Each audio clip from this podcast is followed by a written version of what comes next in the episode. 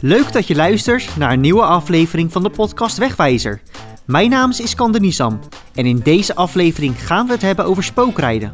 Dat doe ik samen met mijn collega Jeffrey Tijdhoff. Nou, een paar keer per maand komen er meldingen van spookrijders bij ons binnen en we willen hier dan ook meer over te weten komen. In deze podcast gaan we in gesprek met drie verschillende collega's. En zo zijn we benieuwd hoe en waarom mensen spookrijden, hoe Rijkswaterstaat weggebruikers waarschuwt, maar ook wat er gedaan wordt om spookrijden te beperken. Ben je ook benieuwd wat jij moet doen als je een spookrijder ziet? Je hoort het in deze podcast. En daarvoor gaan we eerst naar de verkeerscentrale toe, want daar komen de meldingen van de spookrijders binnen. Met Egbert. Hey, ik kreeg zojuist een belletje van de 1 en 2 over een spook op de 28. Volgens de 1 en 2 centrale zou de spook uh, gesignaleerd zijn bij 51,7. Rijdende richting Zwolle, maar dan uh, spookrijdend. Is goed. Hoor ik het wel als je wat uh, gezien hebt. Oké, okay, dankjewel. Hoi hoi. We zijn hier bij Verkeerscentrum Nederland in Utrecht. En wie ben je precies? Ik ben uh, Egbert Brouwer. Ik ben landelijk wegverkeersleider. En uh, wij uh, maken bij Verkeerscentrum Nederland verkeersinformatie. En bij problemen op de weg managen we het verkeer door middel van communicatie naar buiten toe. Dat de wegverbruiker weet waar die in toe is en hoe die kan blijven rijden.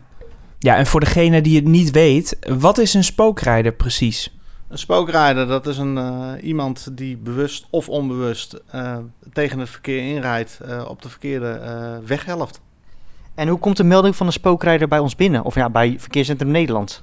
Uh, meestal gaat dat via de 1 en 2 centrale. Iemand die ziet een spookrijder, belt 1 en 2. En uh, de centralisten daar die zijn uh, opgeleid. Op het moment dat ze het woord spook horen, zeggen ze: blijft u aan de lijn, u wordt doorverbonden. En dan krijg ik rechtstreeks krijg ik deze melder aan de lijn. En wat doe je dan als je de melder aan de lijn krijgt? Nou, dan gaan we een uitvraagprotocol gaan we dan erop loslaten. Uh, dat houdt in dat we gewoon vragen stellen. Uh, we, we, we, willen de regie in eigen hand hebben. En dan gaan we stapsgewijs gaan we vragen stellen om erachter te komen waar de spook is en waar die naartoe rijdt.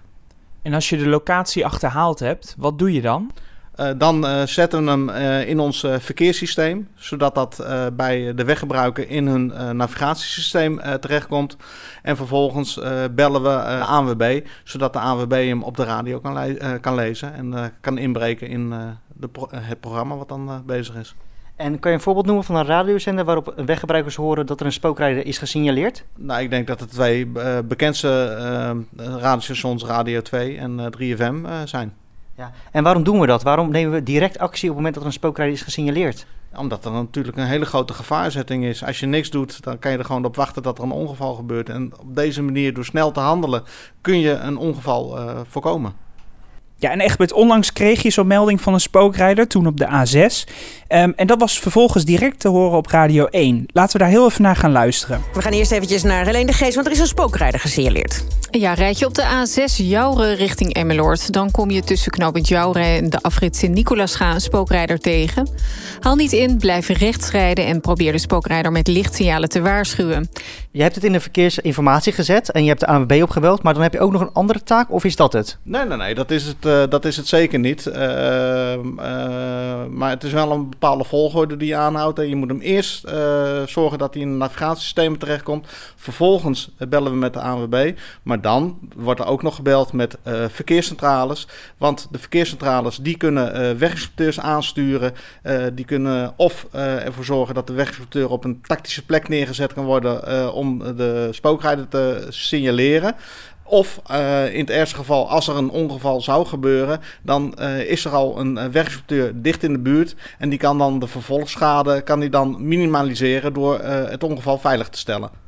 Nou, Egbert geeft het al aan. Bij een melding van een spookrijder worden diverse personen ingeschakeld. Nou, een daarvan is de weginspecteur. Om te horen hoe een weginspecteur zo'n melding beleeft en wat zijn taak is op de weg, gaan we in gesprek met weginspecteur Henk. Hi, goedemiddag. Ik ben uh, Henk Slachter, weginspecteur in de regio uh, Utrecht. Heb, jij iets te maken met spookrijden? Wat is jouw taak als het gaat over spookrijden? Ja, onze taak is, wij worden aangestuurd vanuit de centrale van hé, hey, er is een spookrijder gemeld. Wat wij dan doen is wel een beetje richting die locatie. Ja, het, het gaat een beetje tegen je natuur in natuurlijk, omdat je de spookrijder dan tegemoet rijdt in dit geval. Ik persoonlijk heb zelf ook een keer een melding gehad, uh, dat was in de regio uh, Haaglanden. Ik reek ook op het uh, incident af eigenlijk, dus op de spookrijder. Maar ik hield wel contact met de centrale om continu wel te weten waar die persoon zich bevond. want dat is dan wel fijn dat je wel weet wat je te wachten staat. Ja, het proces voor de weggebruiker is, is eigenlijk net hetzelfde proces als wat wij hebben. Er wordt op de radio ook vaak wel uh, gedeeld met de weggebruiker. En het is blijf zoveel mogelijk rechts rijden. En mocht je de spookrijder zien, probeer hem dan met signalen te waarschuwen dat hij, dat verkeerd rijdt.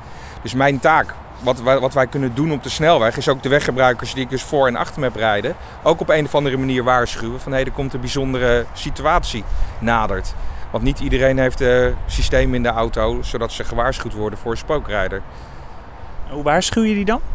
Ja, ook dus door lichtsignalen. En uh, ja, je kan met je, met je armen uit het raam uh, wijzen naar, uh, naar de rechterkant dat mensen zich daar moeten ophouden. Ja, het is een beetje Spartaans, maar er is ook, het is zo'n lastige situatie en zo uniek.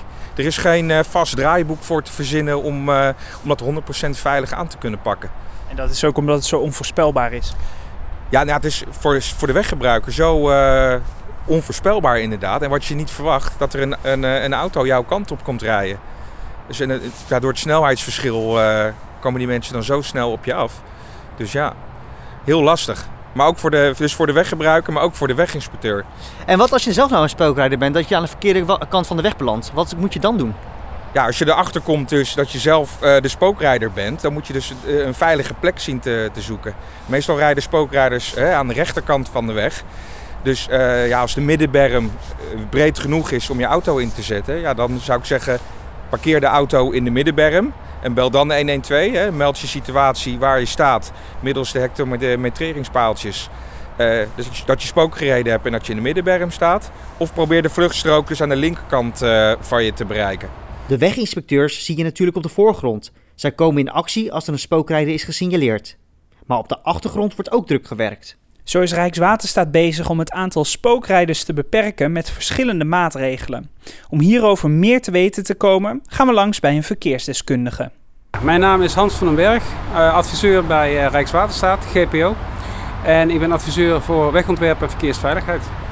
En wat heeft dat te maken met spookrijders? Nou, uh, wij uh, proberen dus bij het wegontwerp en bij verkeersveiligheidsmaatregelen uh, dingen te implementeren, te doen om het spookrijden te voorkomen eigenlijk. En dat begint met een goed wegontwerp. Ja, en, en wat zijn nou oorzaken dat mensen gaan spookrijden? Nou, goed om even te onderscheiden dat ehm, ontstaan van spookrijden is, wat heel veel mensen willen weten, is dat mensen de afrit nemen in plaats van de toerit. Maar wat mensen soms niet weten is dat ook heel veel mensen zijn die keren op de snelweg. En dan zijn er nog mensen die keren op andere plekken zoals parkeerplaatsen. En um, ongeveer 50% van de gevallen is zelfs keren op de snelweg. En achterliggende redenen die een rol spelen zijn vaak alcohol en drugs. Um, er zijn, uh, wat ook heel vaak een rol speelt, is schemer en duisternis. Dus dat je, mensen het niet goed kunnen zien. Ja, en dan uh, zijn er ook verschillende type spookrijders. Uh, wat voor types zijn er? Ja, bij Rijkswaterstaat onderscheiden we eigenlijk drie typen, zeg maar. Dat zijn de uh, onbewuste spookrijders. Dat zijn mensen die zich vergissen en vaak helemaal niet doorhebben dat ze aan het spookrijden zijn. Dat zijn de halfbewuste mensen, spookrijders. Dat zijn de mensen die um, een verkeerde inschatting maken van een weg of een verkeerde inschatting van het risico. Vaak is dat onder invloed van medicijnen, alcohol, drugs. En dan hebben we nog de bewuste spookrijders. En dat zijn mensen die bijvoorbeeld een afslag gemist hebben en die de korte route terugpakken. Maar je krijgt ook stoerdoenerij, uh, weddenschappen en soms zelfs zelfmoord. Ja, uh, Hans, onder wat voor uh, leeftijd of wat voor mensen zien we spookrijders of komen die nou voor? Nou, dat is heel gevarieerd. Uh, de grootste groep spookrijders zijn juist de mensen uh, in middelbare leeftijd, van 25 tot 50 jaar oud, zeg maar. Uh, relatief zie je het het vaakst bij heel jonge bestuurders, 18 tot 25, of de oudere bestuurder, boven de 65 jaar. Maar in absolute aantallen zijn dat niet de grootste groepen. Wat doet Rijkswaterstaat eraan om het aantal spookrijders te voorkomen of te verminderen? Uh, nou, om te beginnen proberen we een zorgvuldig ontwerp van de wegen te maken. En dat is vooral bij de aansluitingen. Dus daar waar je van de snelweg afgaat of opgaat. Uh, met name dus daar waar de afrit bij uh, de andere weg komt, zeg maar. Um, en we doen het ook met extra maatregelen zoals borden en pijlen op de weg. Om een eventuele spookrijder te waarschuwen dat hij verkeerd rijdt. Um, een voorbeeld is bijvoorbeeld, um, we hebben de ga terugborden. Dus uh, verboden in te rijden met eronder een onderbord. En daar zit een gele rand omheen. En als je op een afrit uh, de snelweg oprijdt, dus de verkeerde kant uit, dan zie je dat bord. En als je de goede kant inrijdt, zie je dat bord niet. Bovendien hebben we op de afrit altijd een, ongeveer drie, vier pijlen staan in de goede rijrichting. Dus die pijlen kom je op je, op je af als je de verkeerde kant uitrijdt. Dus dat zijn allemaal dingen die Rijkswaterstaat doet om, om te voorkomen dat mensen gaan spookrijden. Dat klopt. En uh, soms heb je dus situaties die dan uh, aanleiding zijn om extra te kijken. Dat er een paar incidenten zijn geweest en dan nemen we soms extra maatregelen. Een maatregel kan zijn dat we een rotonde aanleggen. Uh, er zijn zelfs een paar gevallen bekend waarbij we een extra doorsteek gemaakt hebben van de afrit naar de toerit dus als je verkeerd rijdt, dat je eigenlijk automatisch weer de goede kant uitrijdt. Heb je daar ook een concreet uh, voorbeeld van waar dat is? Of... Ja. Uh, bij Ede bijvoorbeeld, uh, op de A30, daar is een aansluiting. En er is een, een soort bypass gemaakt van de afrit naar de toerit. Tot slot gaan we nog een keer naar weginspecteur Henk. Want hij heeft nog een tip voor je als je een spookrijder ziet rijden. Als je een spookrijder ziet rijden, ja, dat is de, de belangrijkste tip. Meteen 112 bellen natuurlijk. En uh, zorgen voor je eigen veiligheid uh, eerst. Dus zoveel mogelijk rechts houden. En een beetje je snelheid in de gaten houden. En proberen die uh, tegenligger te waarschuwen. Maar die 112, ja, dat is wel de belangrijkste. Want dan kan meteen de verkeerscentrale, die kan dat meteen allemaal de juiste protocollen gaan uitzetten. Dit is het einde van deze podcast. Wij zijn in ieder geval een stukje wijzer geworden over spookrijden. En we hopen dat jij ook een stukje wijzer de auto instapt. Ja, en heb je een vraag over dit of een ander onderwerp? Stuur ons dan een tweet naar RWS Verkeersinfo of bel 0800 8002 en check voor meer informatie www.rwsverkeersinfo.nl.